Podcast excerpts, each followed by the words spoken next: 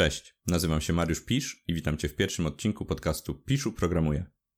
Odcinkiem tym chciałbym rozpocząć również serię pod nazwą Rekrutacja w IT. Będę w niej omawiać odpowiedzi na pytania, z którymi możesz się spotkać podczas rekrutacji na stanowisko programisty. W tym odcinku, po krótkim słowie wstępu, zajmiemy się obiektami niemutowalnymi. Zapraszam.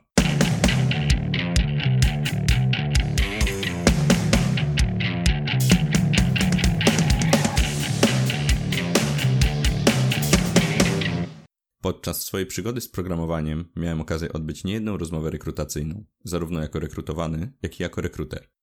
Często przygotowanie do tych rozmów wiązało się z przejrzeniem materiałów, które w ogromnej większości były w formie pisanej. Jeżeli tak jak ja wolisz czasem odejść od komputera i posłuchać, albo lepiej przyswajasz w ten sposób wiedzę, to seria Rekrutacja w IT jest dla Ciebie. Będę omawiać tutaj odpowiedzi na pytania rekrutacyjne oraz podpowiadać, na co zwrócić uwagę przy odpowiadaniu na nie. Serię tę kieruję głównie do osób, które chciałyby nauczyć się czegoś nowego, bądź też odświeżyć swoją wiedzę z danego zagadnienia. Nie wykluczam poruszania tutaj również innych ciekawych tematów, także jeśli chcesz być na bieżąco, zachęcam do subskrypcji kanału oraz polubienia strony Piszu Programuję na Facebooku. A teraz przejdźmy do konkretów. Dziś na warsztat bierzemy obiekty niemutowalne. Zaczynamy! Obiekty niemutowalne. Co warto na ich temat wiedzieć i o czym warto pamiętać na rozmowie. Zacznijmy od teorii. Co to są obiekty niemutowalne? Obiekty niemutowalne to po prostu obiekty, które w żaden sposób nie mogą zostać zmodyfikowane. Wszystkie pola są stałe przez cały cykl życia obiektu, a wszystkie operacje, które wykonamy na niemutowalnym obiekcie, powinny w rezultacie zwracać nowy obiekt. Warto pamiętać, że Java używa klas niemutowalnych i są to np. string, integer, long czy double. Dlaczego w takim razie powinniśmy używać obiektów niemutowalnych?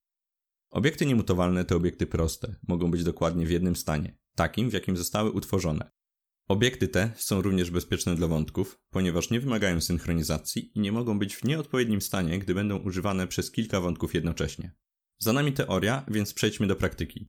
W jaki sposób powinniśmy zaimplementować klasę niemutowalną? Aby to spełnić, powinniśmy przestrzegać pięciu podstawowych zasad. Zasada numer jeden. Klasa nie może zostać rozszerzana. Jak to zrobić? Możemy oznaczyć klasę jako final lub użyć statycznej fabryki z konstruktorami prywatnymi. Możemy tutaj również skorzystać ze wzorca projektowego Builder. Zasada numer 2. Pola powinny być finalne i prywatne. Zasada numer 3. Powinniśmy tworzyć obiekt w jednym kroku, a pominąć używanie konstruktorów bezargumentowych w połączeniu z kolejnymi wywołaniami metod set. Zasada numer 4. Nie powinniśmy udostępniać żadnych metod, które w jakikolwiek sposób mogą zmienić nasz obiekt. Zasada numer 5.